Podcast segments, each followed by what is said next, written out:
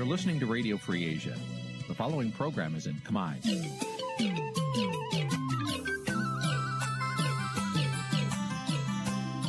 នេះជាកម្មវិធីផ្សាយ Vuthu Azizi Serai នេះជាកម្មវិធីផ្សាយរបស់ Vuthu Azizi Serai ជាភាសាខ្មែរ Vuthu Azizi Serai សូមស្វាគមន៍លោកអ្នកនាងទាំងអស់ពីរដ្ឋធានី Washington នៃសហរដ្ឋអាមេរិក បាទលោកនាងជាទីមិត្តរីពីទីក្រុងមែលប៊នប្រទេសអូស្ត្រាលីខ្ញុំបាទថាថៃសូមជម្រាបសួរលោកនាងកញ្ញាទាំងអស់ដែលកំពុងតាមដានការផ្សាយរបស់វិទ្យុអាស៊ីសេរីទាំងអស់ជាទីមិត្តរីយើងខ្ញុំសូមជូនកម្មវិធីផ្សាយសម្រាប់យប់ថ្ងៃពុធ300ខែពិសាខឆ្នាំខាលចត្វាស័កពុទ្ធសករាជ2566ត្រូវនៅថ្ងៃទី18ខែឧសភាគ្រិស្តសករាជ2022ជាដំបូងនេះសូមអញ្ជើញលោកនាងស្ដាប់ព័ត៌មានប្រចាំថ្ងៃដែលមានមេត្តាដូចតទៅ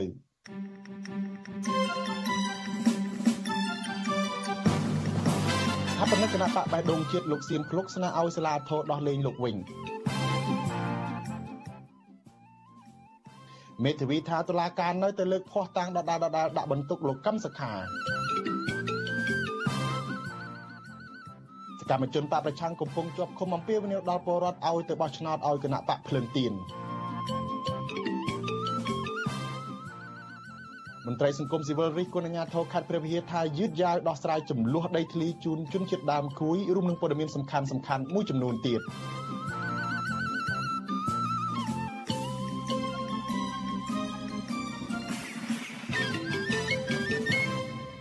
បាទជាបន្តទៅនេះខ្ញុំបាទថាថៃសូមជូនពួរមានពុស្ដាដូចតទៅ ស្ថាបនិកគណៈបកបៃដងជាតិលោកសៀមភ្លឹកប្រាប់តុលាការជាន់ខ្ពស់ថាស្លាដំបងរាជធានីភ្នំពេញដែលបានសម្រេចឃុំខ្លួនលោករឿងស្នាមមេដៃដោយសារការស្នើសុំបង្កើតគណៈបកនយោបាយគឺជារឿងធ្ងន់ធ្ងរនិងអយុត្តិធម៌លោកស្នើឲ្យតុលាការផ្ដល់សេរីភាពជូនលោកវិញដូចគ្នានេះដែរមន្ត្រីសង្គមស៊ីវិលជំរុញថាការឃុំខ្លួនលោកសៀមភ្លុកមិនត្រឹមត្រូវតាមច្បាប់ស្តីពីគណៈបកនយោបាយឡើយបាទលោកនាងនឹងបានស្ដាប់សេចក្តីរាយការណ៍នេះនៅពេលបន្តិចទៀត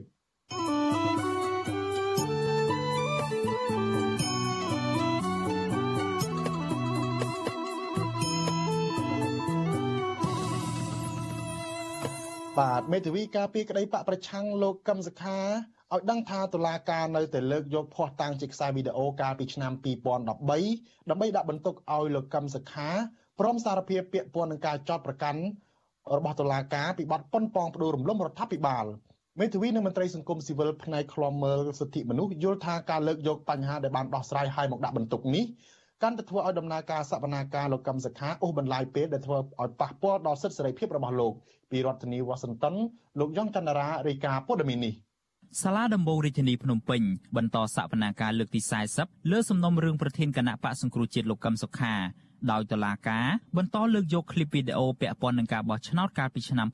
2013មកសួរដេញដោលនៅក្នុងអង្គសវនាការនៅថ្ងៃទី18ឧសភា មេធាវីការពារក្តីឲ្យលោកកឹមសុខាគឺលោកផែងហេងថ្លែងប្រាប់ក្រុមអ្នកសារព័ត៌មានក្រោយបញ្ចប់សវនាការថាការលើកយកផុសតាំងជាឃ្លីបវីដេអូដដាលដដែលនេះធ្វើឲ្យមានភាពតានតឹងរវាងអង្គជំនុំជម្រះនិងជនជាប់ចោទតែប៉ុណ្ណោះដោយសារតុលាការយកផុសតាំងទាំងនោះចេញពីប្រភពមិនច្បាស់លាស់និងមិនអាចធ្វើជាមូលដ្ឋានបានឡើយ។ លោកបន្តថាសហមេធាវីអ្នកស្រីមេងសុភារីក៏បានចោទសួរសុំការស្រាយបំភ្លឺពីដើមបណ្ដឹងរដ្ឋបវេនីនិងតំណាងអัยការដែរតាក់ទងនឹងការចាប់ប្រកាន់ទៅលើលោកកឹមសុខាថាបានត្រូវរើគ្នាជាមួយរដ្ឋបរទេសដើម្បីបដូររំលំរដ្ឋាភិបាលប៉ុន្តែលោកថាតំណាងអัยការមិនទាន់បកស្រាយបំភ្លឺនិងឆ្លើយតបពីការស្នើទម្លាក់បទចោទលើកូនក្តីរបស់លោកនោះទេ អាដាមកម្មការគាត់ថាគាត់អត់បានត្រូវទៅជាមួយបោះទេទេបាទហើយរដ្ឋាភិបាលគាត់ថាអត់ចោលដែរហើយតាមអាយកាគាត់ថាអត់ចោលដែរអញ្ចឹងអីបានលោកថាដល់ទៅពីជាអញ្ញាតទៅខាងមេធាវីរដ្ឋាភិបាលទៅបែងការមួយសុំឲ្យតាមត្រួតអត់បានចោលហើយគាត់ទម្លាក់បាត់ចោលមេធាវីផែងហីបន្ថែមថាលោកកឹមសុខាបានបកស្រាយទៅកាន់តំណាងអัยការថា ឃ្លីបវីដេអូដែលត្រូវបានចាក់បង្ហាញក្នុងអង្គសវនាការនោះគឺខុសពីខ្លឹមសារដើមរបស់លោកទាំងស្រុងដែលមានការកាត់តតាមសេចក្តីត្រូវការរបស់តំណាងមេធាវីរដ្ឋាភិបាលតែប៉ុណ្ណោះប្រធានគណៈបកសង្គ្រោះជាតិលោកកឹមសុខាបានបាត់បង់សិទ្ធិធ្វើនយោបាយនិងមិនអាចចេញទៅក្រៅប្រទេសបានអស់រយៈពេល75ឆ្នាំមកហើយក្រោយពេលតុលាការបានចាត់ប្រកាន់លោកពីបទសន្តិទិភាពឬការត្រូវរើគ្នាជាមួយបរទេសដើម្បីផ្ដួលរំលំរដ្ឋាភិបាលកាលពីឆ្នាំ2017 មេធាវីតំណាងរដ្ឋាភិបាលដែលជាដើមបណ្ដឹងគឺលោកគីតិចធ្លាប់លើកឡើងថាមានប្រទេសចំនួន9ដែលពាក់ព័ន្ធទៅនឹងលោកកឹមសុខាក្នុងនោះរួមមានសហរដ្ឋអាមេរិកកាណាដានិងសហភាពអឺរ៉ុបជាដើមទោះជាយ៉ាងណាមកទល់នឹងពេលនេះតុលាការក្រុងភ្នំពេញមិនបានកោះហៅរដ្ឋបរទេសទាំងនោះមកបំភ្លឺឡើយស្របពេលដែលសហគមន៍ជាតិនិងអន្តរជាតិរិះគន់ថាដំណើរការជំនុំជម្រះលើសំណុំរឿងលោកកឹមសុខាបានអូសបន្លាយពេលយូរ សវនាការលើកនេះមានការចូលរួមក្លំមើលពីតំណាងស្ថានទូតប្រទេសប្រជាធិបតេយ្យនិងតំណាងអង្គការសហប្រជាជាតិប្រចាំកម្ពុជារួមទាំងតំណាងអង្គការសង្គមស៊ីវិលក្នុងស្រុកផងដែរក៏ប៉ុន្តែមិនមានចំនួនច្រើនដោយលើកមុនមុននោះទេពីព្រោះតុលាការមិនអនុញ្ញាតនៅក្រៅរបងតុលាការឯណោះវិញអ្នកគាំទ្រលោកកឹមសុខាប្រមាណ50នាក់បានមកឃ្លាំមើលដោយស្ថិតក្រោមការរឹតបន្តឹងសន្តិសុខយ៉ាងតឹងរឹងពីកងកម្លាំងប្រដាប់អាវុធជាច្រើនអ្នកក៏ប៉ុន្តែពុំមានការប៉ះទង្គិចគ្នានោះទេ តុលាការនឹងបន្តសវនាការសំណុំរឿងលោកកឹមសុខា នៅថ្ងៃទី25ខែឧសភាខាងមុខទៀតជុំវិញរឿងនេះនាយកទទួលបន្ទុកកិច្ចការទូតទៅនៃអង្គការលីកាដូលោកអំសំអាត មានប្រសាសន៍ថាការចាក់បង្ហាញភស្តុតាងជាវីដេអូនៅក្នុងសវនាការលើកនេះនៅតែមានការខ្វែងគំនិតគ្នារវាងក្រុមមេធាវីរដ្ឋាភិបាលដែលជាដើមបណ្ដឹងជាមួយភាគីមេធាវីរបស់លោកកឹមសុខា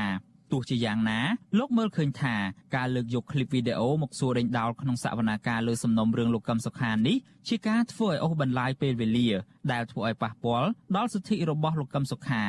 លោកអមសំអាតនៅតែជំរុញដល់អ្នកនយោបាយឲ្យផ្សះផ្សាគ្នាដោយយកវប្បធម៌សន្តិនិកជាគោលហើយដំកល់ឧត្តមផលប្រយោជន៍ជាតិនិងប្រជាពលរដ្ឋជាធំនិងងាកមកធ្វើការប្រកួតប្រជែងគ្នាតាមការបោះឆ្នោតតាមបែបប្រជាធិបតេយ្យវិញ។ ការបោះឆ្នោតក្រុមប្រឹក្សាឃុំសង្កាត់ខាងមុខនេះវារំលងផុតទៅហើយគាត់មិនអាចធ្វើនយោបាយវិញបានទេហើយបើសិនជាសាវនាការនេះអូសបន្លាយកាន់តែវែងចឹងការបោះឆ្នោតជាតិឆ្នាំ2023ក៏អាចរំលងផុតទៅដែរយើងជាអង្គការសង្គមស៊ីវិលយើងមើលឃើញបទពិសោធន៍វត្តពីមុនដែលអ្នកនយោបាយគាត់ធ្វើ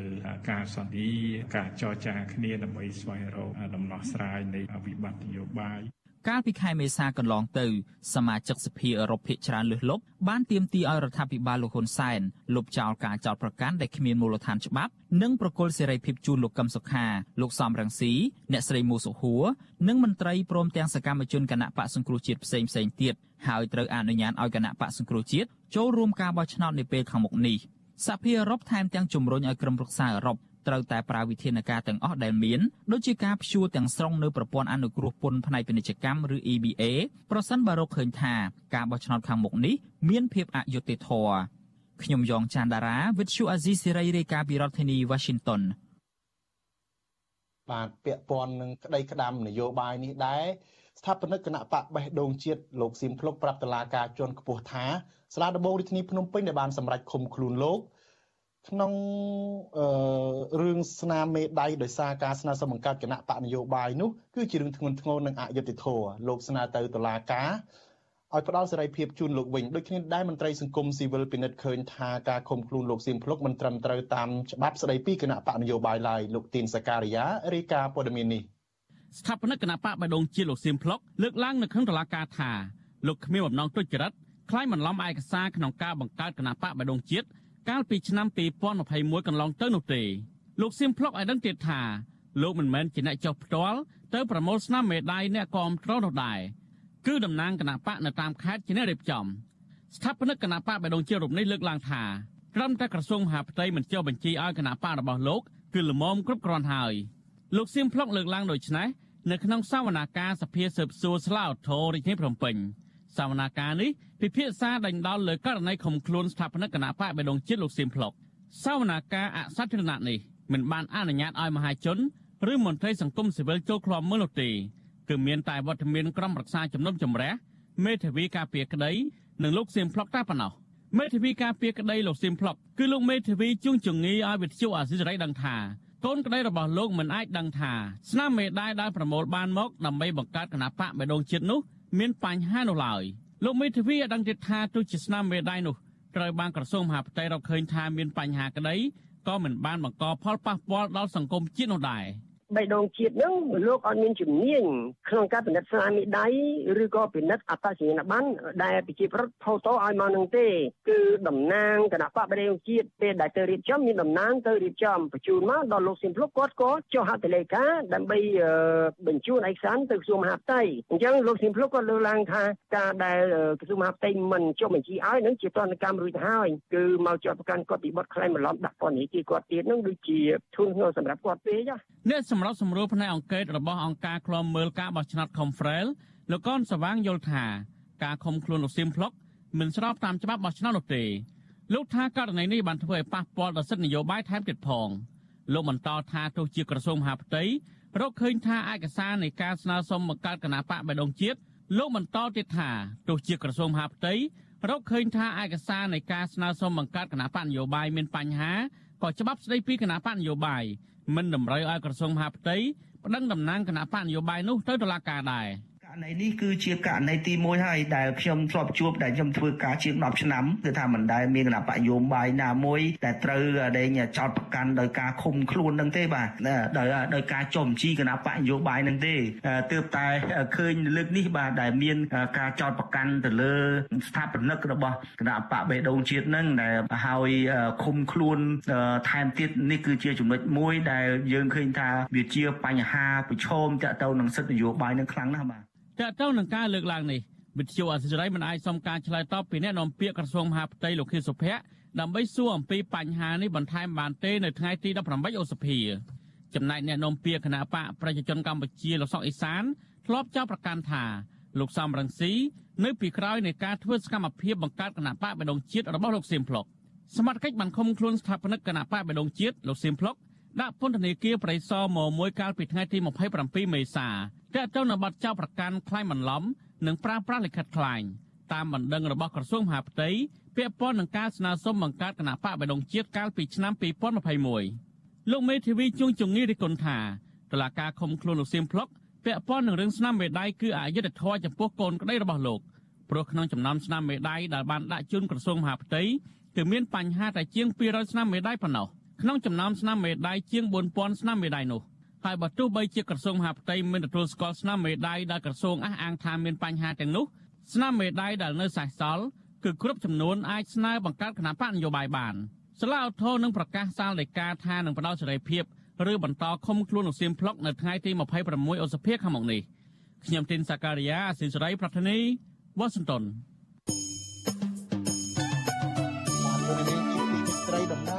ប់ការផ្សាយរបស់វិទ្យុអាស៊ីសេរីតាមបណ្ដាញសង្គម Facebook និង YouTube លោកអ្នកនាងក៏អាចស្ដាប់កម្មវិធីផ្សាយរបស់វិទ្យុអាស៊ីសេរី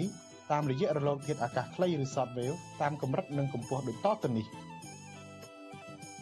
ពេលព្រឹកចាប់ពីម៉ោង5កន្លះដល់ម៉ោង6កន្លះតាមរយៈរលកធាតុអាកាសខ្លី12140 kHz ស្មើនឹងកម្ពស់ 25m និង13715 kHz ស្មើនឹងកម្ពស់ 22m ពេលយប់ចាប់ពីម៉ោង7កន្លះដល់ម៉ោង8កន្លះតាមរយៈរលកធាតុអាកាសខ្លី9960 kHz ស្មើនឹងកម្ពស់ 30m 12140 kHz ស្មើនឹងកម្ពស់ 25m និង11885 kHz ស្មើនឹងកម្ពស់ 25m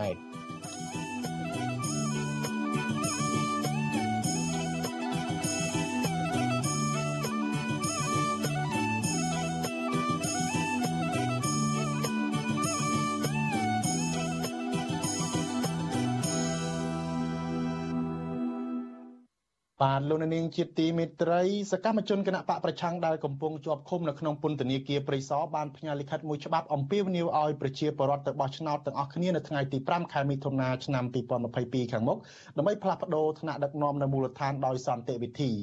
ពួកគេក៏អំពាវនាវឲ្យពលរដ្ឋទៅបោះឆ្នោតឲ្យគណៈបកភ្លើងទៀនផងដែរមន្ត្រីសង្គមស៊ីវិលដែលធ្វើការតាក់ទងនឹងរឿងបោះឆ្នោតយល់ថាលិខិត របស់អ្នកជាប់ឃុំនេះគឺជាសេរីភាពបញ្ចេញមតិនិងជាការជំរុញទៅពលរដ្ឋឲ្យចូលរួមបោះឆ្នោតដោយស្របទៅនឹងច្បាប់អ្នកស្រីសុជីវីរាយការណ៍ព័ត៌មាននេះក្រុមអ្នកជាប់ឃុំនៅពន្ធនាគារព្រៃសរលើកឡើងថាការបោះឆ្នោតខាងមុខគឺជាការបើកឱកាសផ្ដល់សិទ្ធិដល់ពលរដ្ឋក្នុងការជ្រើសរើសមេដឹកនាំឬផ្លាស់ប្ដូរមេដឹកនាំដោយសន្តិវិធីអហិង្សាបញ្ជាសង្គ្រាម រំលត់សង្គ្រាម និងបញ្ចប់សង្គ្រាមបង្ហូរឈាមលិខិតរបស់សកម្មជនគណៈបកសង្គ្រោះជាតិកាលពីថ្ងៃទី14ខែឧសភាប្រាប់ទៅពលរដ្ឋកុំឲ្យចាញ់បោកអ្នកនយោបាយដែលតែងតែគម្រាមកំហែងសម្លុតបំភ័យថាបើខ្លួនចាញ់ឆ្នោតនឹងផ្ទុះសង្គ្រាមត្បិតការសម្លុតបំភ័យនោះគឺមិនពិតទេសកម្មជននយោបាយដែលជាប់ឃុំព្រោះរឿងនយោបាយទាំងនោះអំពាវនាវដល់ជនរួមជាតិខ្មែរ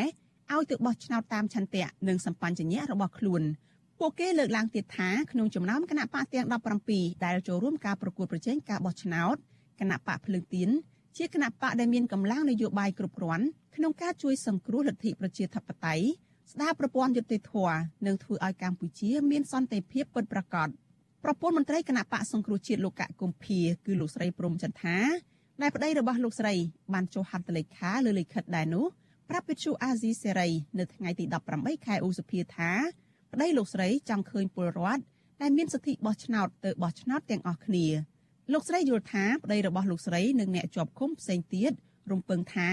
ក្រោយការបោះឆ្នោតនៅពេលដែលគណៈបកភ្លើងទៀនឈ្នះឆ្នោតឬទទួលបានសម្លេងគាំទ្រច្រើននិងជំរុញឲ្យមានដំណោះស្រាយនយោបាយ នឹងអាចមានការចរចាឬក៏យ៉ាងណាមិញដំណោះស្រាយនយោបាយនឹងអាចបញ្ចប់វិបត្តិនយោបាយក្នុងពេលឆាប់ឆាប់នេះសំខាន់គឺគណៈគណៈបកភ្លើងទៀននឹងអាចមានសម្លេងច្រើនដើម្បីឲ្យរដ្ឋាភិបាលនឹងអាចធ្វើការចរចាដើម្បីបញ្ចប់វិបត្តិនយោបាយឬក៏ដោះលែងនយោបាយទាំងអស់ព្រោះសំខាន់ឥឡូវនេះគឺវាគំនាបផ្នែកនយោបាយដល់ពេលអញ្ចឹងត្រូវដោះស្រាយតាមប្រព័ន្ធនយោបាយមិនមែនប្រព័ន្ធតុលាការទេចា៎នៅរយៈពេលចុងក្រោយនេះក្រុមអ្នកជាប់ឃុំនៅពន្ធនាគារព្រៃសរព្រោះរឿងនយោបាយតែងផ្ញើលិខិតចេញពីពន្ធនាគារ ដោយស្នើឲ្យមានការគោរពសិទ្ធិមនុស្សប្រជាធិបតេយ្យនិងទាមទារមានដំណោះស្រាយនយោបាយជាដើមតកតងករណីនេះវិទ្យុអាស៊ីសេរីមិនអាចសុំការអធិប្បាយពីអ្នកនាំពាក្យគណៈបកប្រជាជនកម្ពុជាលោកសុកអេសានបានទេនៅថ្ងៃទី18ខែឧសភាដោយឡែកអ្នកនាំពាក្យគណៈកម្មាធិការជាតិរៀបចំការបោះឆ្នោតលោកហងពុធាលើកឡើងថាលិខិតអ្នកជាប់ឃុំគឺដូចទៅនឹងបរដ្ឋទូទៅដែរនៅក្នុងការលើកទឹកចិត្តឲ្យពលរដ្ឋទៅបោះឆ្នោត ទោះយ៉ាងណាលោកថាចំពោះការអំពាវនាវរបស់អ្នកជាប់ឃុំដោយស្នើឲ្យពលរដ្ឋទៅបោះឆ្នោតឲ្យគណៈបកភ្លើងទៀនគឺធ្វើឡើងនៅមុនកាលបរិច្ឆេទនៃការឃោសនាបោះឆ្នោតគឺជាការខុសឆ្គងទៅនឹងច្បាប់បោះឆ្នោតប៉ុន្តែលោកថាកោជបគ្មានសមត្ថកិច្ចចោតប្រកាន់នោះទេ ហើយការសម្រេចបែបណា គឺជាសមត្ថកិច្ចរបស់អាជ្ញាធរដែនដីពាក់ព័ន្ធ។ ព្យាយាមឃោសនាណាមួយដែលប្រកាសជាសាធារណៈនោះគឺជាការខុសឆ្គងជាមួយនឹងច្បាប់បោះឆ្នោតហើយក៏ក៏ជបរៀបចំនឹងទទួលខុសត្រូវលើស្ថានភាពបោះឆ្នោតនៅក្នុងប្រទេសកម្ពុជាអញ្ចឹងការបច្ឆេទនៃការឃោសនាបោះឆ្នោតគឺមិនមែនពេលនេះទេបាទអញ្ចឹងมันมันទីជម្រៅទៅលើថាអ្នកជាប់ឃុំឬក៏មិនជាប់ឃុំទេចំណែកនាយកប្រតិបត្តិអង្គការឃ្លាំមើលការបោះឆ្នោតនៅកម្ពុជាហៅកាត់ថា Netflix លោកសំគុណធីមីយល់ថា លិខិតអ្នកជាប់ឃុំនេះគឺជាការលើកទឹកចិត្តដល់ពលរដ្ឋឲ្យទៅបោះឆ្នោតដើម្បីឲ្យមានការផ្លាស់ប្ដូរដោយវិជ្ជមានលោកបន្តថាការលើកឡើងរបស់អ្នកជាប់ឃុំស្នើទៅពលរដ្ឋឲ្យបោះឆ្នោតជូនគណៈបកភ្លើងទៀនក៏មិនខុសនឹងច្បាប់បោះឆ្នោតឡើយនោះគ្រាន់តែជាការផ្ដល់យោបល់ដល់ពលរដ្ឋជាម្ចាស់ឆ្នោតតែប៉ុណ្ណោះ។ អានេះជាការសម្ដែងមតិការផ្ដល់ជាយោបល់ទៅឲ្យម្ចាស់ឆ្នោតទេមិនមានពាក្យព័ន្ធអីទេគាត់ពួកគាត់គាត់ឆ្លាញ់គោលនយោបាយភ្លើងទៀនអញ្ចឹងទៅគាត់ព្រៀងនេះជាប្រវត្តិហ្នឹងជួយគ្រប់គ្រងភ្លើងទៀនហ្នឹងណាបាទយុទ្ធនាការរោសម្លេងឆ្នោតរបស់គណៈបកនយោបាយនៅពេលខាងមុខនេះគឺមានរយៈពេល14ថ្ងៃដែលនឹងចាប់ផ្ដើមពីថ្ងៃទី21ខែឧសភាដល់ថ្ងៃទី3ខែមិថុនាខាងមុខទោះយ៉ាងណាកន្លងមក លោកនាយរដ្ឋមន្ត្រីហ៊ុនសែននៅពេលដែលថ្លែងជាសាធារណៈម្ដងម្ដងតែងស្នើទៅពលរដ្ឋឲ្យបោះឆ្នោតជូនគណៈបកប្រជាជនកម្ពុជាប៉ុន្តែគណៈកម្មាធិការជាតិរៀបចំការបោះឆ្នោតមិនដែលរំលឹកឬប្រមានលោកហ៊ុនសែនថាឃោសនាខុសច្បាប់ម្ដងណាឡើយនាងខ្ញុំសុជីវីវិទ្យុអាស៊ីសេរីពីរដ្ឋធានី Washington បាទលោកនាងជាទីមេត្រីសហភាពអឺរ៉ុបថ្មីថ្មីនេះបានអនុម័តសេចក្តីសម្រេចមួយ ដោយប្រមានព្យួរប្រព័ន្ធអនុគ្រោះពាណិជ្ជកម្ម ABA ទាំងស្រុងប្រសិនបើកម្ពុជាប្រសិនបើកម្ពុជារៀបចំការបោះឆ្នោតនៅពេលខាងមុខនេះប្រព្រឹត្តទៅដោយមិនយុត្តិអយុត្តិធម៌ប្រព្រឹត្តទៅដោយអយុត្តិធម៌ការប្រមាននេះកើតឡើងស្របពេលដែលការបោះឆ្នោតជ្រើសរើសក្រុមប្រឹក្សាគុំសង្កាត់អាណត្តិទី5ដែលនឹងចូលមកដល់នៅថ្ងៃអាទិត្យទី5មិថុនាខាងមុខគណៈដែលយុទ្ធនាការបោះឆ្នោតនឹងចាប់ផ្ដើមនៅថ្ងៃសៅរ៍ទី21ឧសភានេះលោកមានរិទ្ធនឹងរាយការណ៍ផ្ទាល់ជុំវិញរឿងនេះនាពេលបន្តិចទៀត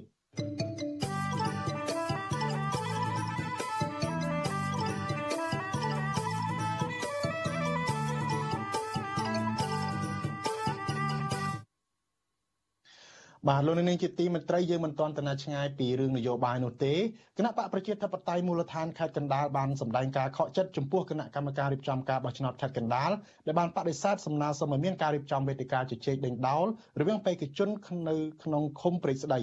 ការលើកឡើងនេះគឺបន្ទាប់ពីគណៈកម្មការរៀបចំការបោះឆ្នោតខេត្តកណ្ដាលគឺលោកគឹមហុងបានចេញលិខិតមួយចុះថ្ងៃទី17ខែឧសភាថាផ្អែកតាមក្របខ័ណ្ឌច្បាប់បោះឆ្នោតបទបញ្ជានិងនីតិវិធី សម្រាប់ការបោះឆ្នោតជ្រើសរើសក្រុមប្រឹក្សាគុំសង្កាត់អាណត្តិទី5ឆ្នាំ2022និងផែនការសកម្មភាពការងារពុំមានចែកតម្រូវឲ្យគណៈកម្មការរៀបចំការបោះឆ្នោតខេត្តកណ្ដាលរៀបចំវេទិកាពិភាក្សាដោយការស្នើសុំនោះទេកាលពីថ្ងៃទី12ខែឧសភាគណៈបកប្រជាធិបតេយ្យមូលដ្ឋានបានដាក់លិខិតស្នើទៅគណៈកម្មការរៀបចំការបោះឆ្នោតខេត្តកណ្ដាលរៀបចំវេទិកានេះនិងបើកដើម្បីបើកឱកាសឲ្យប្រជាពលរដ្ឋម្ចាស់ឆ្នោតសួរដេញដោលឲ្យបានយ៉ាងតិចពីរដងនៅមុនថ្ងៃបោះឆ្នោតមកដល់ គណៈបកប្រជាធិបតេយ្យមូលដ្ឋានចាត់ទុកថាការរៀបចំវេទិកានេះមានសារៈសំខាន់ធ្វើឲ្យប្រជាពលរដ្ឋយល់ដឹងច្បាស់ពីគោលនយោបាយនិងគោលជំហររបស់គណៈបកនយោបាយ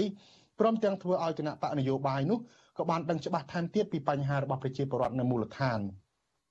បាទជាបន្តទៅនេះខ្ញុំនឹងមានបទសម្ភាសន៍ផ្ទាល់មួយជាមួយនឹងលោកប៉ៅមករាដែលជាប្រធានគណៈបកប្រជាធិបតេយ្យមូលដ្ឋាននៅខេត្តកណ្ដាលអំពីរឿងនេះដូចតទៅជំរាបសួរលោកប៉ៅមករាបាទបាទជំរាបសួរបាទអឺ លោកប៉ៅមករាអរគុណដែលបានចូលរួមផ្ដល់បទសម្ភាសន៍ជាមួយយើងបាទសុខទុក្ខយ៉ាងណាដែរបាទបាទសុខសុខសប្បាយធម្មតាតាមធម្មជាតិបាទអរគុណអឺមមាញឹកទេក្នុងរដូវកាលបោះឆ្នោតនេះលោកប៉ៅមករាបាទបាទមកមានយ៉ាងដែរយើងរៀបចំកម្មវិធីឃោសនាដាក់ប្រតិទិនទៅឲ្យសិច្ចហើយនឹងកម្មវិធីមួយចំនួនដូចជារៀបចំគោលនយោបាយតាមរយៈខិត្តប័ណ្ណ ក្នុងការចេញផ្សព្វផ្សាយទៅឲ្យពលរដ្ឋមូលដ្ឋានបាទអឺលោកប៉មករាតកតងនឹងរឿងងាកមករឿងអឺតកតងនឹងរឿងដែលខាងគណៈបកប្រជាធិបតេយ្យមូលដ្ឋានដែលបានដាក់លិខិតស្នើសុំទៅខាងគណៈកម្មការរៀបចំការបោះឆ្នោតខេត្តកណ្ដាលហ្នឹងហាក់ដូចជាប្លែកជាងគណៈបកផ្សេងទៀតពីព្រោះថា កន្លងមកដូចជាមិនកម្រឃើញណាគណៈបកនយោបាយស្នើសុំទៅគណៈកម្មការរៀបចំការបោះឆ្នោតខេត្តហ្នឹងដើម្បីឲ្យរៀបចំវេទិកាពិភាក្សាដេញដោលរវាងបេក្ខជនដែលបានចុះឈ្មោះបោះឆ្នោតនៅក្នុងឃុំសង្កាត់នឹងបាទហេតុអីបានជាគណៈបកមូលដ្ឋានរបស់លោកជ្រើសរើសឬក៏ចង់ឲ្យមានការជជែកពិភាក្សាដេញដោលនៅតាមមូលដ្ឋាននេះបាទអឺ រឿងដែលក្រមការងារគណៈបកជីតតៃមូលដ្ឋានខេត្តកដាលធ្វើនេះគោលបំណងគឺចង់ឲ្យអ្នកនយោបាយនិងពលរដ្ឋនឹងបានយល់គ្នាពិសេសគឺអ្នកនយោបាយមានឱកាសផ្សព្វផ្សាយអំពីគោលនយោបាយថាតើអ្វីដែលខ្លួនទៅដោះស្រាយជូនប្រជាជនជូនពលរដ្ឋនៅមូលដ្ឋានរបស់ខ្លួនហ្នឹងតើគោលនយោបាយហ្នឹងវាឆ្លើយតបទៅនឹងអ្វីដែលពលរដ្ឋត្រូវការអត់អញ្ចឹងនៅពេលដែលពលរដ្ឋ ស្គាល់ពីនយោបាយនយោបាយស្គាល់ពីពលរដ្ឋអញ្ចឹងអាចអាចតម្រូវការទាំងអស់ហ្នឹងត្រូវបានដោះស្រាយប៉ុន្តែដោយឡែកបើសិនជាពលរដ្ឋគោលនយោបាយអត់បានជជែកអត់បានសួរដេញដោគ្នាអត់បានដឹងរឿងនយោបាយនយោបាយអត់បានដឹងរឿងពលរដ្ឋហ្នឹងអាហ្នឹងបញ្ហាពលរដ្ឋនៅជាបញ្ហាដដែលអញ្ចឹងអត់មានណាអាចទៅជួយគាត់បានទេដូច្នេះហើយបានជាក្រមការងារគណៈបកជាជាតបតៃមូលដ្ឋានហ្នឹងលើកកម្មវិធីក៏ដូចជាការស្នើទៅអកោចប ថ្នាក់សិចរហូតដល់ថ្នាក់ខេត្តបាទបាទអឺយើងឃើញថាទីបំផុតទៅគោជបថ្នាក់ខេត្តនឹងបានសម្រេចបដិសេធចំពោះសំណើរបស់លោកដោយថាមិនដែលមានហើយក៏គ្មានច្បាប់មានអីតម្រូវអីចឹងទៅបាទហើយខាងលោកនឹងក៏បានការបង្ហាញការខកចិត្តហេតុអីបានជាខកចិត្តពីព្រោះអ្វីដែលគណៈកម្មការរៀបចំការបោះឆ្នោតខេត្តកណ្ដាលធ្វើនឹងដូចជាត្រឹមត្រូវទៅហើយពីព្រោះថាអឺ កន្លងមកហ្នឹងអត់មានឃើញការរៀបចំបែបហ្នឹងទេហើយច្បាប់ក៏មិនតម្រូវឲ្យខាងគណៈកម្មការរៀបចំការបោះឆ្នោតខេត្តហ្នឹងធ្វើដែរហើយតាមដែលខ្ញុំដឹងគឺថាកន្លងមកហ្នឹងគឺមានតែ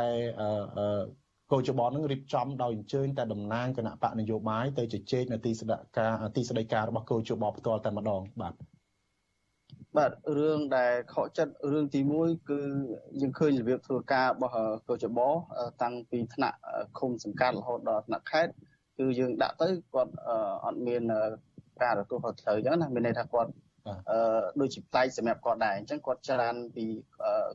ឃុំសង្កាត់រហូតដល់ខេត្តរឿងទី2អឺគាត់យោងទៅលើច្បាប់ដែលអំពីការបោះឆ្នោតជ្រើសរើសឃុំសង្កាត់ហ្នឹង អឺគាត់ថាអត់មានប៉ុន្តែបើយើងនិយាយអំពីការវិមជ្ឈការអំណាចទៅឲ្យការធ្វើការងារហ្នឹងគឺយើងអាចធ្វើបានអញ្ចឹងវាជារឿងថ្មីមួយសម្រាប់អឺអ្នកនយោបាយដោយពលរដ្ឋត្រូវត្រូវត្រូវទទួលព័ត៌មានពីគ្នាទៅវិញទៅមកហើយអ្វីដែលសំខាន់គឺនៅពេលដែលយើងធ្វើអាការនឹងជាមួយនឹងអ្នកគណៈបកគ្រប់គណៈបកនយោបាយណាអញ្ចឹងធ្វើឲ្យគណៈបក នយោបាយទាំងអស់មានមានឱកាសក្នុងការបង្ហាញគោលនយោបាយទៅដល់ពលរដ្ឋនៅមូលដ្ឋានរបស់ខ្លួនជាពិសេសគ្រប់គណៈបកនយោបាយគាត់មានឱកាសសន្យាមានឱកាសគួតប្រជែងក្នុងការដោះស្រាយបញ្ហាហ្នឹងបាទអឺហេតុអីបានជាលោកមិនជ្រើសរើសការដែល សុំកិច្ចសហការពីក្រមអង្គការសង្គមស៊ីវិលអីទៅពីព្រោះដឹងថាកោជបមិនធ្លាប់ធ្វើហើយដឹងបដិសេធដែរពីព្រោះខ្ញុំដឹងថាកន្លងមកខាងគណៈបករបស់លោកបានស្នើទៅខាងឃុំដែរដើម្បីឲ្យអាជ្ញាធរមូលដ្ឋាននឹងរៀបចំប៉ុន្តែបន្ទាប់មកក៏រហូតដាក់ដល់ថ្នាក់ខេត្តទៀតប៉ុន្តែថ្នាក់ខេត្តបដិសេធទៀតហើយបានជាមិនអាចរៀបរៀបចំដោយខ្លួនឯងឬក៏មានការសហការពីខាងអង្គការសង្គមស៊ីវិលឲ្យឲ្យមានការរៀបចំទៅបាទអឺអ្វីដែលយើងមើលឃើញចំណុចពិសេសយើង ស្នើសុំទៅដល់កោជបព្រោះកោជបគឺជាអាញាកដាលមានថាជាអ្នកសម្របសម្រួលគ្រប់គណៈបកនយោបាយទាំងអស់អញ្ចឹងកោជបមានសិទ្ធិឬក៏រៀបចំឲ្យមានការជួបគ្នារវាងអ្នកនយោបាយនិងពលរដ្ឋគ្រប់និន្នាការនយោបាយទាំងអស់ឲ្យបង្ហាញគោលនយោបាយនេះនេះជាលក្ខណៈដែលដែលគណៈបកប្រជាធិបតេយ្យមូលដ្ឋានខេត្តកណ្ដាលចង់ចង់ស្នើទៅដល់កោជប ពីព្រោះកោចបគាត់មានគេថាមានសិទ្ធិក្នុងការធ្វើរឿងហ្នឹងច្រើនជាងអង្គការសង្គមស៊ីវិល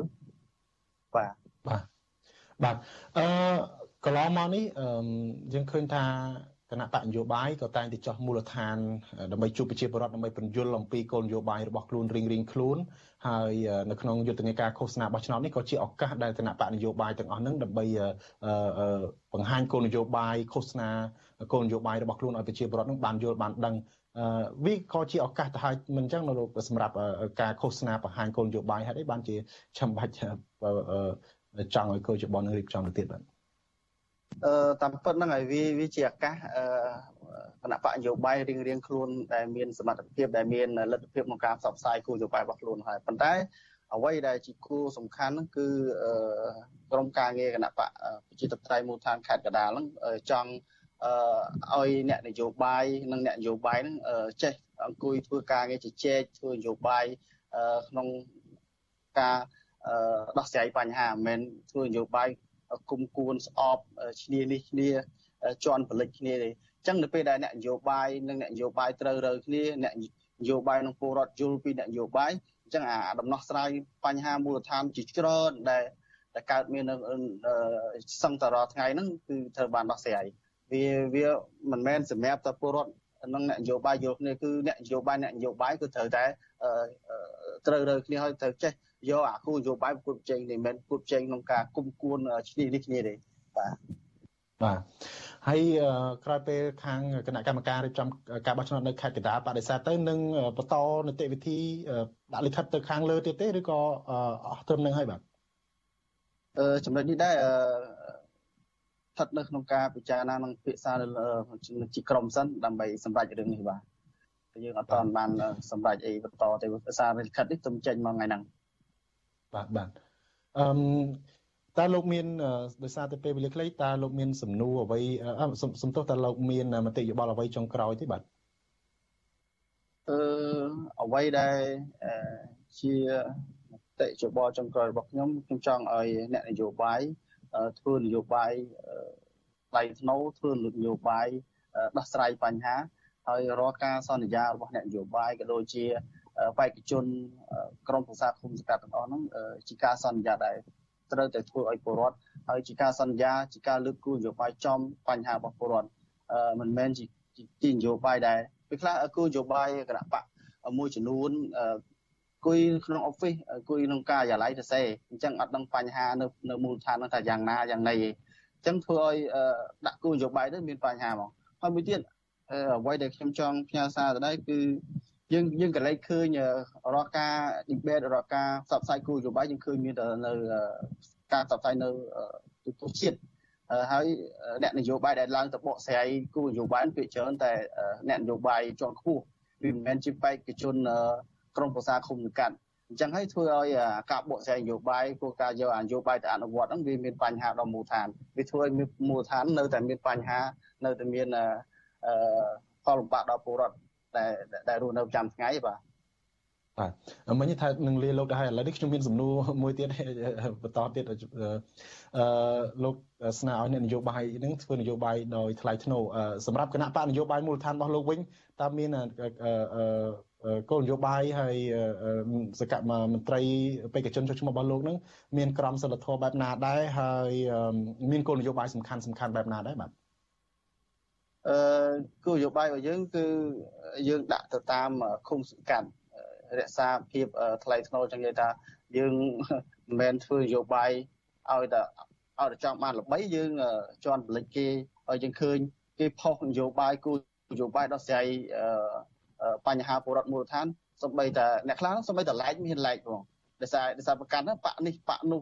បកអញបកគេអញ្ចឹងណាតែអញ្ចឹងធ្វើឲ្យអាធ្វើការងារដោះស្រាយនេះវាកាន់តែឃ្លៀតនេះឆ្ងាយអញ្ចឹងឃើញអ្នកនយោបាយដូចគ្នានោះចង់ស៊ីសុតស៊ីសាច់ឆត់ឈាមអញ្ចឹងណាបាទហើយអ្វីដែលគណៈបកប្រជាតាប្រជាធិបតេយ្យមូលដ្ឋានរក្សានោះគឺភាពថ្លៃថ្នូរបែបហ្នឹងបាទគឺมันมันมันមិនទៅជីកជាប់មិនទៅ លៀបពណ៌គេមិនទៅលើកចំណុចខ្វះខាតរបស់គេយកមកក្នុងការឲ្យឲ្យពលរដ្ឋនោះមូលដ្ឋានស្រឡាញ់យើងណាបាទបាទបាទបាទអរគុណលោកប៉ៅមកក្រាដែលបានចូលរួមផ្ដល់បទសម្ភាសន៍ខ្លីជុំវិញបញ្ហានេះបាទសូមអរគុណសូមជម្រាបលាបាទបាទសូមជម្រាប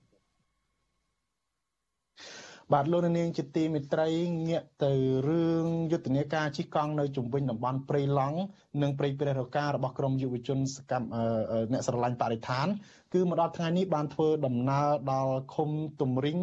ស្រុកសណ្ដានខេត្តកំពង់ធំហើយនៅរសៀលថ្ងៃទី18ខែឧសភា ក្រុមយុវជន25នាក់បានចាប់ផ្ដើមជិះកង់ដោយចេញដំណើរពីទីរួមខេត្តកំពង់ធំកាលពីថ្ងៃទី10ខែឧសភា មកទល់ពេលនេះធ្វើដំណើរបានប្រវែង400គីឡូម៉ែត្រហើយ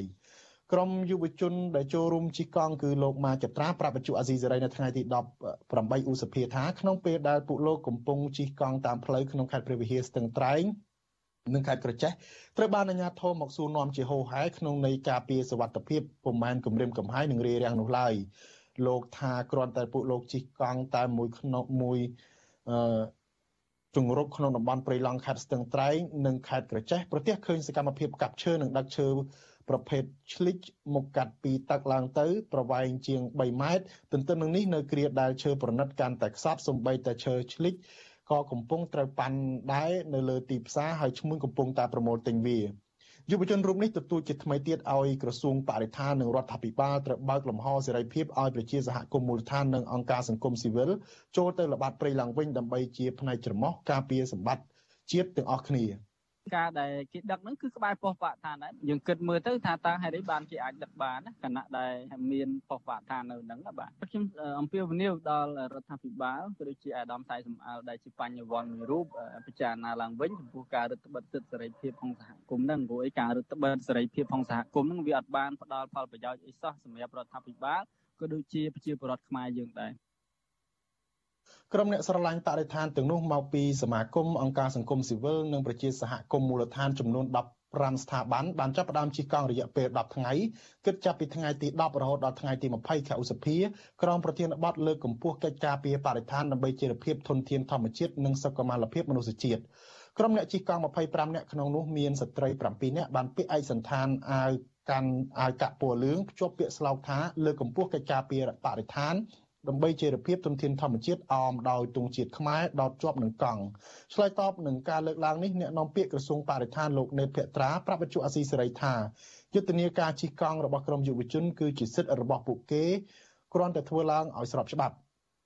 យុទ្ធនាការនេះក្រុមអ្នកជិះកង់បានកំណត់រយៈចម្ងាយប្រវែងពី60ទៅដល់70គីឡូម៉ែត្រក្នុងមួយថ្ងៃទើបឈប់សម្រាកនៅពេលយប់ដោយពុំបានកំណត់ទីកន្លែងស្នាក់នៅនោះទេ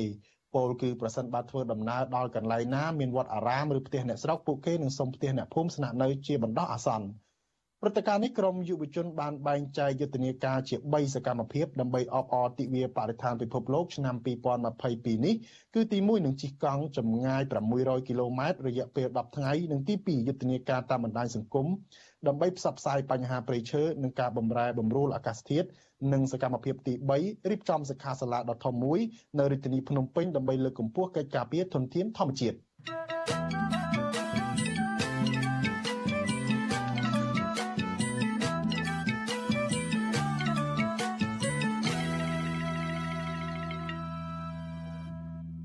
បាទលោកនាងជាទីមិត្តរី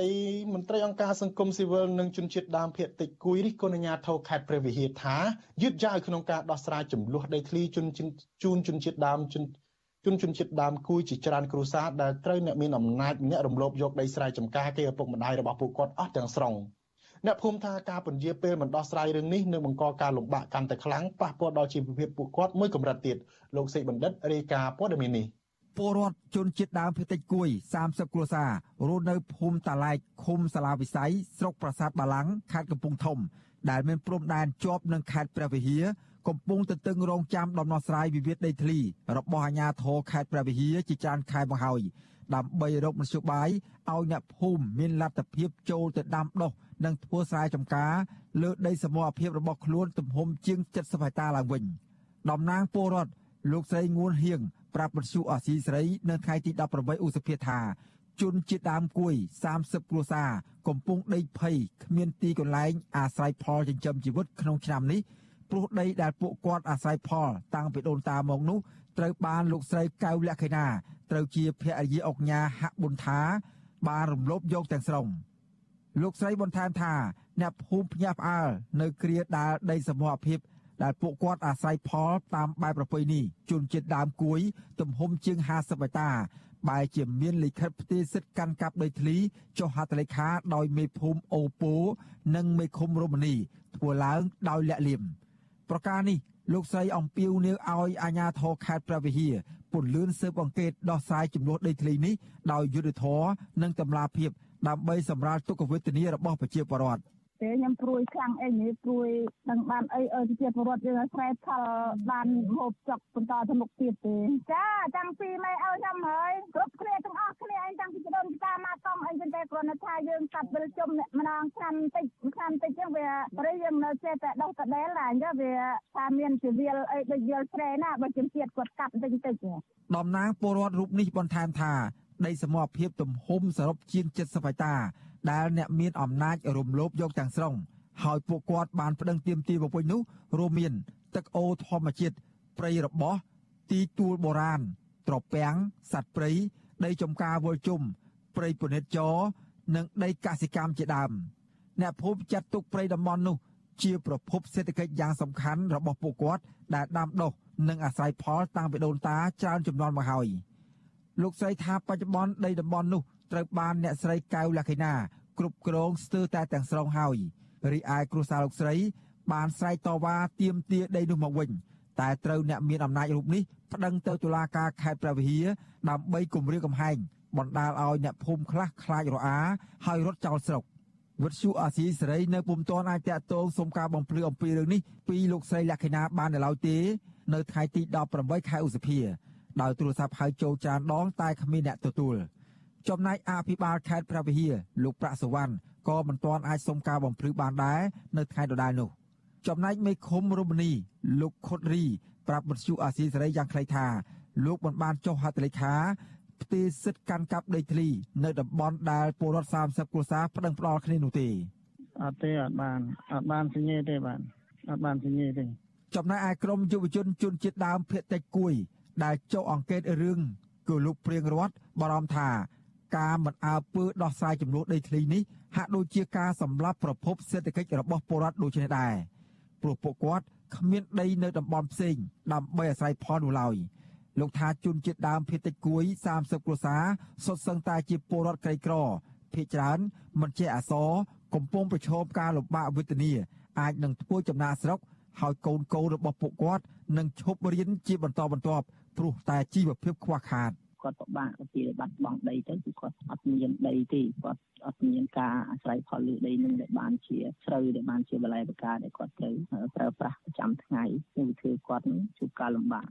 កាលពីថ្ងៃទី14ខែកុម្ភៈកន្លងទៅក្រសួងដែនដីនគររូបនីយកម្មនិងសំណង់នៅរាជធានីភ្នំពេញបានសរសេរលិខិតស្នើសុំឲ្យអាជ្ញាធរខេត្តប្រពៃដោះស្រាយចំនួនដីធ្លីនេះក្រោយពីក្រសួងទទួលបានញត្តិសុំកិច្ចអន្តរាគមន៍ពីជនជាតិដើមគួយ30គ្រួសារប៉ុន្តែមកទល់នឹងពេលនេះពុំឃើញអាជ្ញាធរខេត្តនេះដោះស្រាយឲ្យជ្រះស្រឡះនៅឡើយទេជុំវិញរឿងនេះនាយកប្រតិបត្តិអង្គការពន្លកខ្មែរ លោកពឹកសុភ័ណ្ឌមើលឃើញថាអាជ្ញាធរខេត្តព្រះវិហារនៅតែអូសបន្លាយពេលមិនដោះស្រាយចំនួនដីធ្លីនេះហើយប្រជាពលរដ្ឋនៅតែរងចាំជារៀងរាល់ថ្ងៃលោកចាត់ទុកទង្វើរបស់អាជ្ញាធរខេត្តនេះថាជាការប្រងើយកន្តើយមិនគោរពរដ្ឋធម្មនុញ្ញដែលចែងថារាល់ការស្នើសុំរបស់ពលរដ្ឋអាជ្ញាធររដ្ឋត្រូវតែដោះស្រាយជាបន្ទាន់ គឺជាការមើលស្រាលទៅដល់ប្រជាពលរដ្ឋខ្លួនឯងដែលមានរងទុក្ខដោយសារការរំលោភដីធ្លីប្រពៃណីតំបន់ជំនឿរបស់គាត់ហើយបែរទៅជាទុកឱកាសឲ្យភាគីក្រុមហ៊ុនជាអ្នកមានសិទ្ធិមានអំណាចច្រើនជាងពលរដ្ឋអានឹងជារឿងដែលវាផ្ទុយទៅនឹងគោលការណ៍ច្បាប់តំបន់សន្លងស្លោដែកឬហៅម្យ៉ាងទៀតថាសន្លងថ្នោតជាកន្លែងគោរពបូជាយ៉ាងសំខាន់របស់អ្នកស្រុកតាំងពីដើមមក លើពីនេះតំបន់នោះមានអំណោយផលគបប្រសើរឲ្យអ្នកស្រុកធ្វើស្រែចម្ការគ្រប់រដូវកាលបានហើយមានស្រះទឹកបុរាណដែលដូនតាគួយកសាងដើម្បីចម្រាញ់ថ្មឲ្យคล้ายជាដែកអមដោយជើងក្រានបំពង់បង្ហូរដែកជាដើមពលរដ្ឋជនជាតិដើមភេតិចគួយបញ្ជាក់ថាសំណល់វប្បធម៌របស់ជនជាតិដើមគួយទាំងនេះត្រូវបានកម្មកររបស់លោកស្រីកៅលក្ខិណាឈូសកំទេចចោលទាំងស្រុងបន្ថែមពីលើនេះទៀតតំបន់នោះមានដើមឈើធំធំ ទួលបុរាណសត្វព្រៃវល្លិនិងកន្លែងខ្វៀលគោក្របី ដែលអ្នកស្រុកចាត់ទុកថាជារបស់ជនជាតិដើមគួយត្រូវបានបាត់បង់ទាំងស្រុងហើយបច្ចុប្បន្នតំបន់នោះគ្រប់គ្រងដោយអ្នកមានអំណាចម្នាក់គឺលោកស្រីកៅលក្ខិណាត្រូវជាភរិយារបស់អង្គញាហប៊ុនថាដែលបច្ចុប្បន្នអង្គញារូបនេះបានទទួលមរណភាពហើយ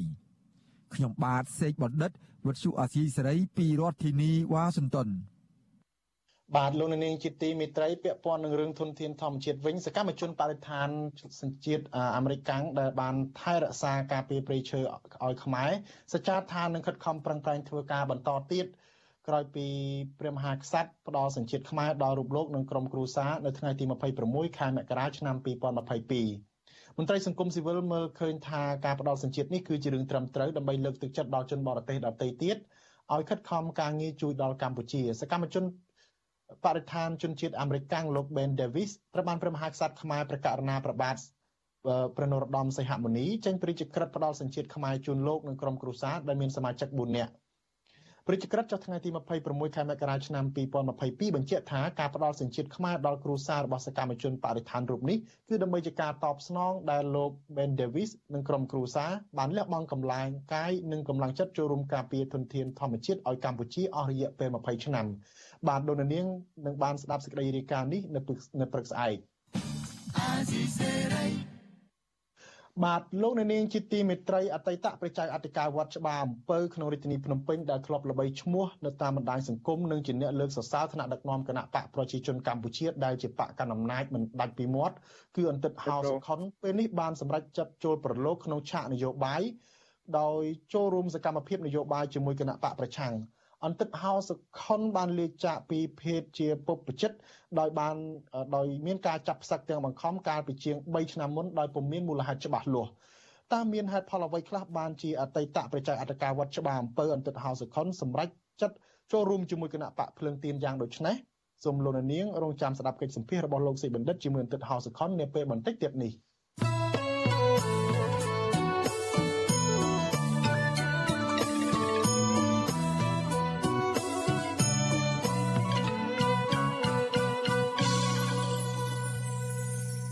បាទលោកនាងជាទីមេត្រីសភាអឺរ៉ុបថ្មីថ្មីនេះបានអនុម័តសេចក្តីសម្រេចមួយដោយប្រមានព្យួរប្រព័ន្ធអនុគ្រោះពាណិជ្ជកម្ម ABA ទាំងស្រុងពីកម្ពុជាប្រសិនបើរកឃើញថាដំណើរការបោះឆ្នោតឃុំសង្កាត់នៅពេលខាងមុខនេះប្រព្រឹត្តទៅដោយមិនយុត្តិធម៌ ការប្រមាននេះកើតឡើងក្រោយពេលដែលការបោះឆ្នោតជ្រើសរើសក្រុមប្រឹក្សាឃុំសង្កាត់អាណត្តិទី5នឹងចូលមកដល់នៅថ្ងៃអាទិត្យទី5មិថុនាគណៈយុទ្ធនាការឃោសនាបោះឆ្នោតនឹងចាប់ផ្ដើមនៅថ្ងៃសៅរ៍ទី21ឧសភានេះលោកមានរិទ្ធរាយការណ៍ព័ត៌មាននេះផ្ទាល់សូមជម្រាបសួរលោកមានរិទ្ធបាទ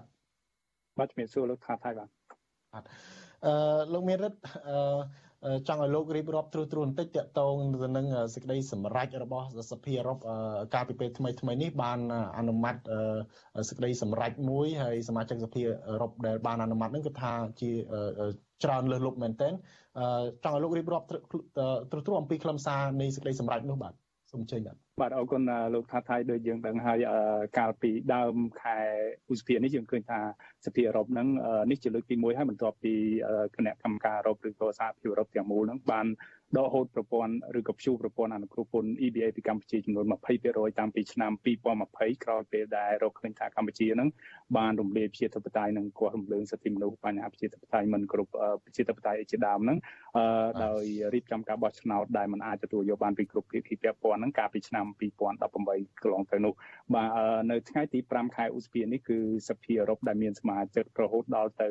700 ជាង700នាក់នោះគឺបានធ្វើសេចក្តីសម្រេចមួយដែលសេចក្តីសម្រេចនោះគឺតាក់ទងពីបញ្ហាសិទ្ធិមនុស្សនិងបញ្ហាប្រជាធិបតេយ្យនៅកម្ពុជាតែម្ដងដែលគេដាក់ឈ្មោះថាជាសេចក្តីសម្រេចប្រទេសស្ដីអំពីការបន្តការបង្ក្រាបមកលើគណៈនយោបាយគណៈបពប្រឆាំងនៅកម្ពុជាហើយយើងឃើញថានៅក្នុងសេចក្តីសម្រេចហ្នឹងគឺមានសមាជិកសភាអឺរ៉ុបដល់ទៅ526នាក់ដែលជាតំណាងរាស្ត្រមកពីបណ្ដារដ្ឋសមាជិកនានានៅក្នុងសហភាពអឺរ៉ុបហ្នឹង គឺបានបោះឆ្នោតគ្រប់គ្រងដល់សេចក្តីសម្រេចរបស់សភាអឺរ៉ុបក្នុងនោះការបោះឆ្នោតបដិសេធហ្នឹងមានតែសមាជិកឬក៏តំណាងរាស្ត្រអឺរ៉ុបតែ5នាក់ទេរីឯអ្នកដែលបោះឆ្នោតអនុប្រវេតវិញមានដល់ទៅ63នាក់ ឃើញថានៅក្នុងចំណោមសមាជិកសភាអឺរ៉ុបរហូតដល់ទៅ705នាក់ហ្នឹងគឺមានអ្នកគ្រប់គ្រងច្រើនលើសលុបបាត់ទៅហើយមានដល់ទៅ526សម្លេងគ្រប់គ្រងដែលតាមការពិតទៅដើម្បីអនុម័តសេចក្តីសម្រេចណាមួយនៅក្នុងសភាសហភាពអឺរ៉ុបហ្នឹងត្រូវការសម្លេងតែ50បូក1តែប៉ុណ្ណោះមានន័យថា50%បូក1មានន័យថាត្រូវការសម្លេងតែត្រឹមតែ353សម្លេងគឺអាចសម្រេចសេចក្តីសម្រេចបានហើយក៏ប៉ុន្តែតកតងនឹងបញ្ហាប្រជាធិបតេយ្យនិង រំលោភសិទ្ធិមនុស្សនៅកម្ពុជានៅក្នុងសេចក្តីសម្រេចនេះគឺមានការគ្រប់គ្រងច្រើនលើសលើសលប់រហូតដល់តំណាងរាស្ត្រអឺរ៉ុបជាង520នាក់ឯនោះបាទបាទបាទអឺលោកមានរដ្ឋនៅក្នុងសេចក្តីសម្រេចហ្នឹងយើងឃើញថាមានជាង10ចំណុចលោកមេរិតអាចជួយប្រាប់បានទេតើចំណុចណាខ្លះដែលសំខាន់ជាងគេនៅក្នុងចំណោមសេចក្តីសម្រេចរបស់សភាអឺរ៉ុបនឹងបាទ បាទដោយដែលយើងបានធ្លាប់រីកាជាបន្តបន្ទាប់តាក់ទងទៅនឹងសេចក្តីសម្រេចដ៏សំខាន់របស់សហភាពរបស់សភាអឺរ៉ុបយើងឃើញថា សេចក្តីសម្រេចលើកនេះនឹងដែលជាលើកទី1បន្ទាប់ពីសហភាពអឺរ៉ុបបានដកបានព្យួរប្រព័ន្ធអនុគ្រោះពន្ធ EBA ពីកម្ពុជា20%ហ្នឹងគឺនៅមុនការបោះឆ្នោតនៅកម្ពុជាគឺការបោះឆ្នោតដ៏សំខាន់មួយគឺការបោះឆ្នោតមូលថ្នាក់មូលដ្ឋានជ្រើសរើសក្រុមប្រឹក្សាគុំសង្កាត់នេះគឺសេចក្តីសម្រេចនេះបានអនុម័តនៅចំណុចសំខាន់សំខាន់រហូតដល់15ចំណុចអស់ លោកថាថៃពាក់ព័ន្ធនឹងបញ្ហាសិទ្ធិមនុស្សនិងប្រជាធិបតេយ្យសេរីភាពនៅកម្ពុជាក៏ប៉ុន្តែចំណុចសំខាន់សំខាន់ខ្លឹមសារសំខាន់សំខាន់ដែលផ្ដោតជាគោលទៅលើបញ្ហាបោះឆ្នោតតែម្ដងនោះគឺមានចំណុចក្នុងចំណោមទាំង15ចំណុចនេះគឺមានចំណុចមួយចំនួនតជាពិសេសតកតងចំណុចទី5តកតងនឹងការលើកឡើងអំពីការព្រួយបារម្ភកាន់តែខ្លាំងរបស់តំណាងរាស្ត្រអឺរ៉ុបពាក់ព័ន្ធទៅនឹងការដើរថយក្រោយឬក៏ការរឹតបន្តឹងផ្នែក សិទ្ធិសេរីភាពជាមូលដ្ឋាននៅកម្ពុជាជាពិសេសពាក់ព័ន្ធទៅនឹងការផ្សព្វផ្សាយព័ត៌មានបែបឯករាជ្យឬក៏ការដាក់ទោសទណ្ឌទៅលើសេរីភាពនៃការបញ្ចេញមតិអីជាដើមនោះបាទលោកថាតៃក៏បានប្រៀបដែរនៅក្នុងសេចក្តីសម្រេចចំណុចទី5នេះគឺខាងសភាអឺរ៉ុបនឹងបានជំរុញឲ្យភាគីអាជ្ញាធរកម្ពុជាហ្នឹងគឺធ្វើយ៉ាងណាបញ្ចប់នៅរាល់ការរដ្ឋបិទលើលំហសេរីភាពនានានៅកម្ពុជាហ្នឹងហើយដោយធានាថារាល់គណៈបញ្ញយោបាយ គ្រប់គណៈបកនយោបាយពាក់ព័ន្ធនៅក្នុងការបោះឆ្នោតនេះអាចចូលរួមធ្វើយុទ្ធនាការឃោសនាបោះឆ្នោតដោយសេរីដោយត្រឹមត្រូវនិងដោយស្មារតីគ្នានៅក្នុងការបោះឆ្នោតទាំងការបោះឆ្នោតឃុំសង្កាត់ឆ្នាំ2022នេះនិងការបោះឆ្នោតជាតិឆ្នាំ2023ខាងមុខនោះ បាទហើយក្រៅពីនេះដែរសភាអឺរ៉ុបដែលមានការគ្រប់គ្រងដ៏ច្រើនលើសលប់នោះក៏បានអនុម័តនៅចំណុចមួយទៀតគឺចំណុចទី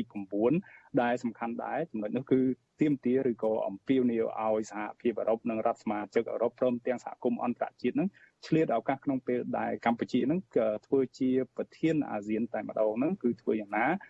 យកឱកាសនេះដាក់សម្ពាធមកលើរដ្ឋាភិបាលកម្ពុជា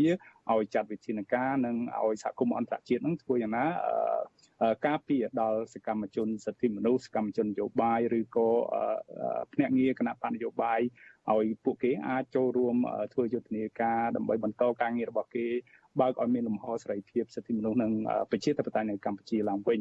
បាទទន្ទឹមគ្នានេះដែរចំណុចទី10នៅក្នុងសេចក្តីសម្រេចដ៏សំខាន់របស់សភាអឺរ៉ុបនេះក៏ អំពាវនាវទៅឲ្យទៅដល់អនុប្រធានសហភាពអឺរ៉ុបឬក៏គណៈកម្មការអឺរ៉ុបនិងតំណាងជាន់ខ្ពស់របស់ផ្នែកគោលនយោបាយសន្តិសុខនិងកិច្ចការបរទេសរបស់សហភាពអឺរ៉ុបហ្នឹងឲ្យតាមដានឲ្យបានដិតដល់ទៅដល់ដំណើរការប្រជាធិបតេយ្យនៅកម្ពុជា ជាពិសេសឃ្លាំមើលក្នុងពេលឃោសនានិងពេលដំណើរការបោះឆ្នោតនៅថ្នាក់មូលដ្ឋានឬក៏ការបោះឆ្នោតជ្រើសរើសឃុំសង្កាត់នៅកម្ពុជានេះតែម្ដងដោយ ឃ្លាំមើលបានដិតដល់ឬក៏តាមដានឲ្យបានដិតដល់ទៅលើសកម្មភាពរបស់គណៈបកអឺដ៏សំខាន់មួយគណៈបកប្រឆាំងដ៏លេចធ្លោមួយដែលកំពុងតែធ្វើសកម្មភាពនៅកម្ពុជានោះគឺគណៈបកភ្លើងទៀនតែម្ដងដោយតាមមើលថាគណៈបកនេះនឹងមិនត្រូវបានអាជ្ញាធររដ្ឋាភិបាលកម្ពុជារំលាយចោលតាមរបៀបមួយដែលมันអាចទទួលយកបានដោយកាលដែលអាជ្ញាធរកម្ពុជាធ្លាប់បានរំលាយគណៈបកសង្គ្រោះជាតិ កាលពីចុងឆ្នាំ2017កន្លងទៅនោះបាទហើយចំណុចពីរសំខាន់ចុងក្រោយហ្នឹងគឺចំណុចទី11ដែលសភាអឺរ៉ុបហ្នឹងក៏បានជំរុញទៅឲ្យក្រមប្រឹក្សាអឺរ៉ុបធ្វើយ៉ាងណាអនុវត្តនៅដាក់ចេញឬក៏អនុវត្តនៅវិធានការបែបរដ្ឋបិទឬក៏ដាក់ទណ្ឌកម្មដែលទណ្ឌកម្មទាំងនោះមានដូចជាការហាម5ការធ្វើដំណើរឬក៏ការបង្កកទ្រព្យសម្បត្តិអីជាដើមដល់ក្រមអឺ ថ្នាក់ដឹកនាំនៅអាជ្ញាធរនៅកម្ពុជាហ្នឹងដែលគេមើលឃើញថាបានចូលរួមរំលាយប្រជាធិបតេយ្យឬក៏រំលោភសិទ្ធិមនុស្សធ្ងន់ធ្ងរជាប្រព័ន្ធនៅក្នុងប្រទេសកម្ពុជានោះហើយចុងក្រោយហ្នឹងគឺចំណុចទី12តែម្ដងដែលសភាអឺរ៉ុបបានជំរុញទៅឲ្យក្រមប្រឹក្សាអឺរ៉ុបដែលជាអ្នកអនុវត្តការងារផ្ទាល់ក្នុងការពិនិត្យមើលឬក៏ពិចារណាត្រៀមយ៉ាងណាប្រើប្រាស់នៅរាល់ឧបករណ៍ចាំបាច់នានាដែល ភាគីអឺរ៉ុបមានហ្នឹងជាពិសេសហ្នឹងគឺគេថាអាចថាប្រសិនបើរកឃើញថាការបោះឆ្នោតនាពេលខាងមុខនេះប្រព្រឹត្តទៅដោយមិនយុត្តិធម៌ទេមានការរំលាយគណៈបកភ្លើងទៀនដែលជាគណៈបកប្រឆាំងដែលកំពុងតែមានប្រជាប្រិយភាពដូចមិនខុសពីកន្លងទៅកាលពីពេលរំលាយគណៈបកសង្គ្រោះជាតិពីមុននោះគឺគេចង់ឲ្យខាងភាគីគណៈកម្មការអឺរ៉ុបហ្នឹង គឺប្រើប្រាស់នៅទណ្ឌកម្មមួយគឺការព្យួរទាំងស្រុងតែម្ដងនៅប្រព័ន្ធអនុគ្រោះពន្ធ EBA ពាណិជ្ជកម្មពីកម្ពុជាតែម្ដងយើងដឹងទាំងអស់គ្នាហើយកាលពីក្រោយការរៀបចំការបោះឆ្នោតឆ្នាំ2018កន្លងទៅដែលគេមើលឃើញថាมันអាចទទួលយកបានពីគ្រប់ភាគីពាក់ព័ន្ធហើយគ្មានលក្ខណៈស្រីត្រឹមត្រូវយុត្តិធម៌នោះគឺ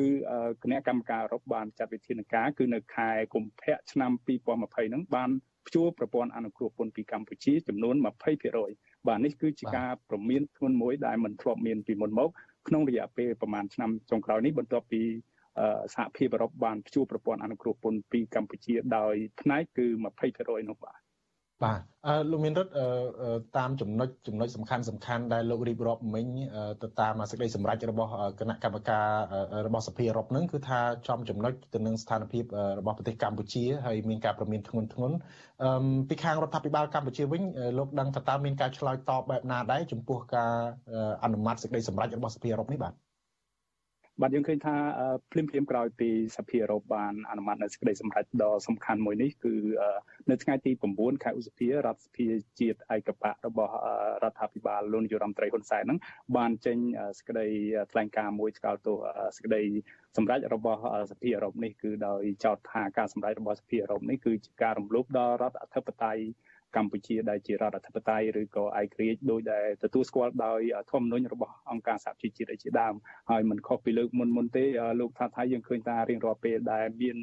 សេចក្តីសម្រេចណាមួយរបស់សភាអឺរ៉ុបហ្នឹងគឺរដ្ឋសភាឯកបៈនៃរដ្ឋាភិបាលកម្ពុជាហ្នឹងគឺតែងតែលើកឡើងថាសេចក្តីសម្រេចធ្វើឡើងដោយបំភ្លៃ ដោយខ្វះព័ត៌មានគឺឬក៏ដោយលំអៀងដែលមានចរិតនយោបាយ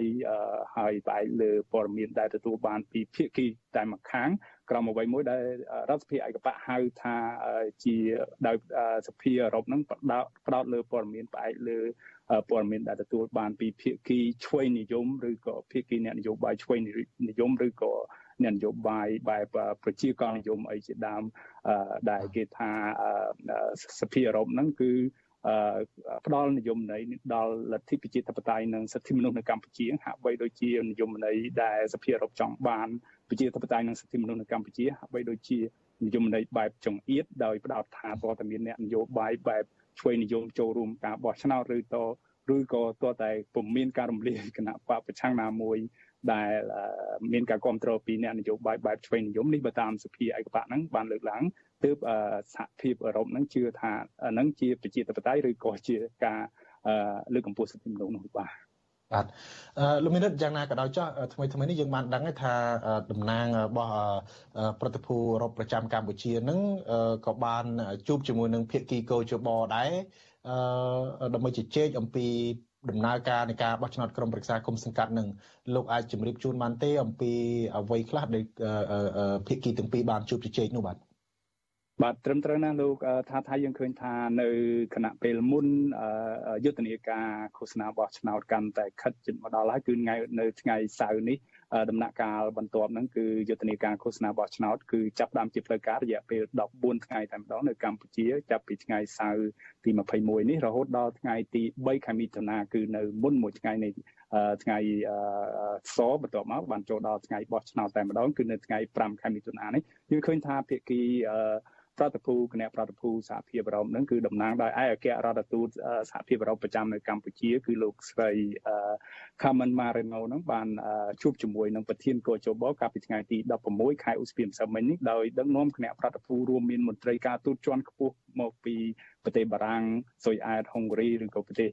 ឆែកអីជាដើមហ្នឹងចូលជួបដើម្បីចង់ដឹងអំពីការវិវត្តនៃដំណើរការរៀបចំ ការបោះឆ្នោតនៅកម្ពុជាសម្រាប់ឆ្នាំ2022នេះផងហើយនឹងការបោះឆ្នោតជាតិនៅឆ្នាំ2023ខាងមុខនេះផងបាទនៅក្នុងជំនួបនោះគឺបើតាមសេចក្តីប្រកាសព័ត៌មានរបស់កោចបឲ្យដឹងថាខាងភាគីកោចបនឹងបានជម្រាបជូនអំពីការវិវត្តនៃការធ្វើកំណែតម្រង់ឬក៏រៀបចំការបោះឆ្នោតជាបន្តបន្ទាប់ដោយខ្លួនឯងដោយពុំចាំបាច់មាន ការចូលរួមពីភាគីអន្តរជាតិអីមកកន្លងមកហ្នឹងហើយថាខ្លួនត្រូវការជ្រើសរើសមន្ត្រីរៀបចំការបោះឆ្នោតសម្រាប់ដំណើរការបោះឆ្នោតនៅឃុំសង្កាត់នេះសម្រាប់ការិយាល័យបោះឆ្នោតចំនួនជាង23000ការិយាល័យបោះឆ្នោតគ្នាថ្ងៃបោះឆ្នោតខាងមុខនោះគឺត្រូវការជ្រើសរើសបុគ្គលិកបន្ថែមមន្ត្រីបោះឆ្នោតហ្នឹងរហូតដល់ទៅជាង140,000នាក់ឯណោះហើយនឹងត្រូវការរៀបចំការបណ្ដុះបណ្ដាលមន្ត្រីបោះឆ្នោតអីទាំងនោះជាដើមក៏ប៉ុន្តែទន្ទឹមនឹងខាងភាគីសហភាពអឺរ៉ុបបានលើកឡើងពីកង្វល់មួយចំនួនប្រាប់ទៅភាគីកោចបកង្វល់ទាំងនោះរួមមានទាំងការជ្រើសរើសមន្ត្រីរៀបចំការបោះឆ្នោតហ្នឹងហើយការបណ្ដុះបណ្ដាលដល់មន្ត្រីរៀបចំការបោះឆ្នោតព្រមទាំង ដំណើរការនៃការរៀបចំការបោះឆ្នោតកន្លងមកមានការលុបចោលបញ្ជីឈ្មោះបេក្ខជនចូលឈ្មោះបោះឆ្នោតរបស់គណៈបកប្រឆាំងមួយចំនួនហ្នឹងរហូតដល់ទៅជាង300នាក់ឯណោះនៅក្នុងបញ្ជីឈ្មោះបោះឆ្នោតជាចូលឈ្មោះជាបេក្ខជនចូលឈ្មោះបោះឆ្នោតដោយដែលយើងបានដឹងតាមព័ត៌មានកន្លងមកនោះហើយទន្ទឹមហ្នឹងខាងខាងគណៈកម្មការអឺរ៉ុបខាងតំណាងភាគីអឺរ៉ុបហ្នឹងក៏ចង់ដឹង ផងដែរអំពីលំហប្រជាធិបតេយ្យលំហសេរីភាពសង្គមស៊ីវិលក្នុងការចូលរួមនៅក្នុងយុទ្ធនាការឃោសនាបោះឆ្នោតតាមដាននិងកំណត់ហេតុការរាប់ស្លឹកឆ្នោតអីជាដើមក៏ប៉ុន្តែអ្វីដែលសំខាន់មួយដែលខាងភាគីគណៈកម្មការអឺរ៉ុបចង់បានហ្នឹងគឺគេថាគេនឹងចង់បញ្ជូនអ្នកឃ្លាំមើលមិនមែនជាអ្នកសង្កេតការការបោះឆ្នោតទេតែជាអ្នកឃ្លាំមើលដំណើរការបោះឆ្នោតនេះនៅថ្ងៃបោះឆ្នោតអីនឹងចាប់ពីយុទ្ធនាការបោះឆ្នោតនេះទៅអឺ ប៉ុន្តែមិនមែនជាអ្នកសង្កេតការបោះឆ្នោតផ្លូវការរបស់គណៈកម្មការអឺរ៉ុបនោះទេឲ្យមកចូលរួមឃ្លាំមើលដំណើរការបោះឆ្នោតនេះហើយបាទជាភ្ញៀវពិសេសដែលខាងកោចបលទទួលថាជាភ្ញៀវពិសេសតែមិនធ្វើការវិតម្លៃទៅលើលទ្ធផលនៃដំណើរការបោះឆ្នោតទេបាទបាទលោកមានរដ្ឋសូមខ្លីៗ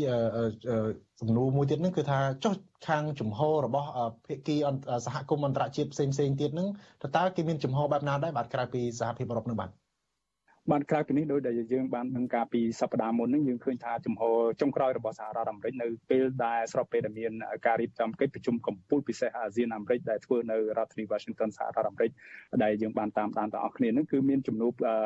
ដាច់ដោយឡែកមួយរវាងលោករដ្ឋមន្ត្រីការបរទេសកម្ពុជាលោកប្រាក់សុខុនជាមួយនឹងអនុរដ្ឋមន្ត្រីការបរទេសសហរដ្ឋអាមេរិកគឺ អ្នកស្រី Wendy Sherman នៅក្នុងជំនួបនោះអ្នកស្រីបានលើកឡើងអំពីកង្វល់របស់សហរដ្ឋអាមេរិកសារជាថ្មីម្ដងទៀតរំលឹកទៅភាគីកម្ពុជាហ្នឹងថាខ្លួនចង់ឃើញឲ្យកម្ពុជាហ្នឹងធ្វើយ៉ាងណា កែសម្រួលលំហកុំឲ្យមានការរដ្ឋបិទផ្នែកប្រជាធិបតេយ្យតទៅទៀតហើយនឹងធានាថាមានការចូលរួមពីភាគីសង្គមស៊ីវិលឬក៏ការដំណើរការកាត់ទោសទណ្ឌលោកកឹមសុខាប្រធានគណៈបកប្រឆាំងអីបិទបញ្ចប់ទៅហើយដើម្បី នៅមុនការបោះឆ្នោតឃុំសង្កាត់នេះរៀបចំដោយសេរីត្រឹមត្រូវយុត្តិធម៌ព្រមទាំងឈានទៅដល់ការបោះឆ្នោតជាតិនាពេលខាងមុខនោះបាទលោកថាថៃបាទបាទអរគុណលោកមានរិទ្ធអឺ ចុះនៅសប្តាហ៍ក្រោយនេះលោកនឹងមានអ្វីដើម្បីរាយការណ៍ជូនលោកនាងពាក់ព័ន្ធនឹងដំណើរការបោះឆ្នោតនេះបាទបាទយើងនឹងបន្តតាមដានទាំងអស់គ្នាទៀតសម្រាប់យុទ្ធនាការឃោសនាបោះឆ្នោតដែរនឹងប្រព្រឹត្តទៅចាប់ពីថ្ងៃសៅរ៍នេះហើយបាទបាទអរគុណច្រើនលោកមេរិតសូមជម្រាបលាបាទបាទជំរាបលាបាទ លោកនាងជាទីមេត្រីសម្រាប់លោកនាងដែលកំពុងតាមដានការស្ដាប់របស់វិទ្យុអាស៊ីសេរីតាមរយៈរលកធាតុអាកាសខ្លីឬ Shortwave នៅម៉ោង8:30នាទីបន្តិចទៀតនេះលោកនាងនឹងមិនលឺការផ្សាយរបស់យើងទៀតទេក៏ប៉ុន្តែលោកនាងដែលកំពុងទស្សនាការផ្សាយរបស់យើងតាមបណ្ដាញសង្គម Facebook និង YouTube សូមបន្តនៅជាមួយយើងបន្តិចទៀតកម្មវិធីជាបន្តទៅទៀតនេះសូមប្រកល់នីតិជូនលោកសេកបណ្ឌិតដើម្បីសម្រាប់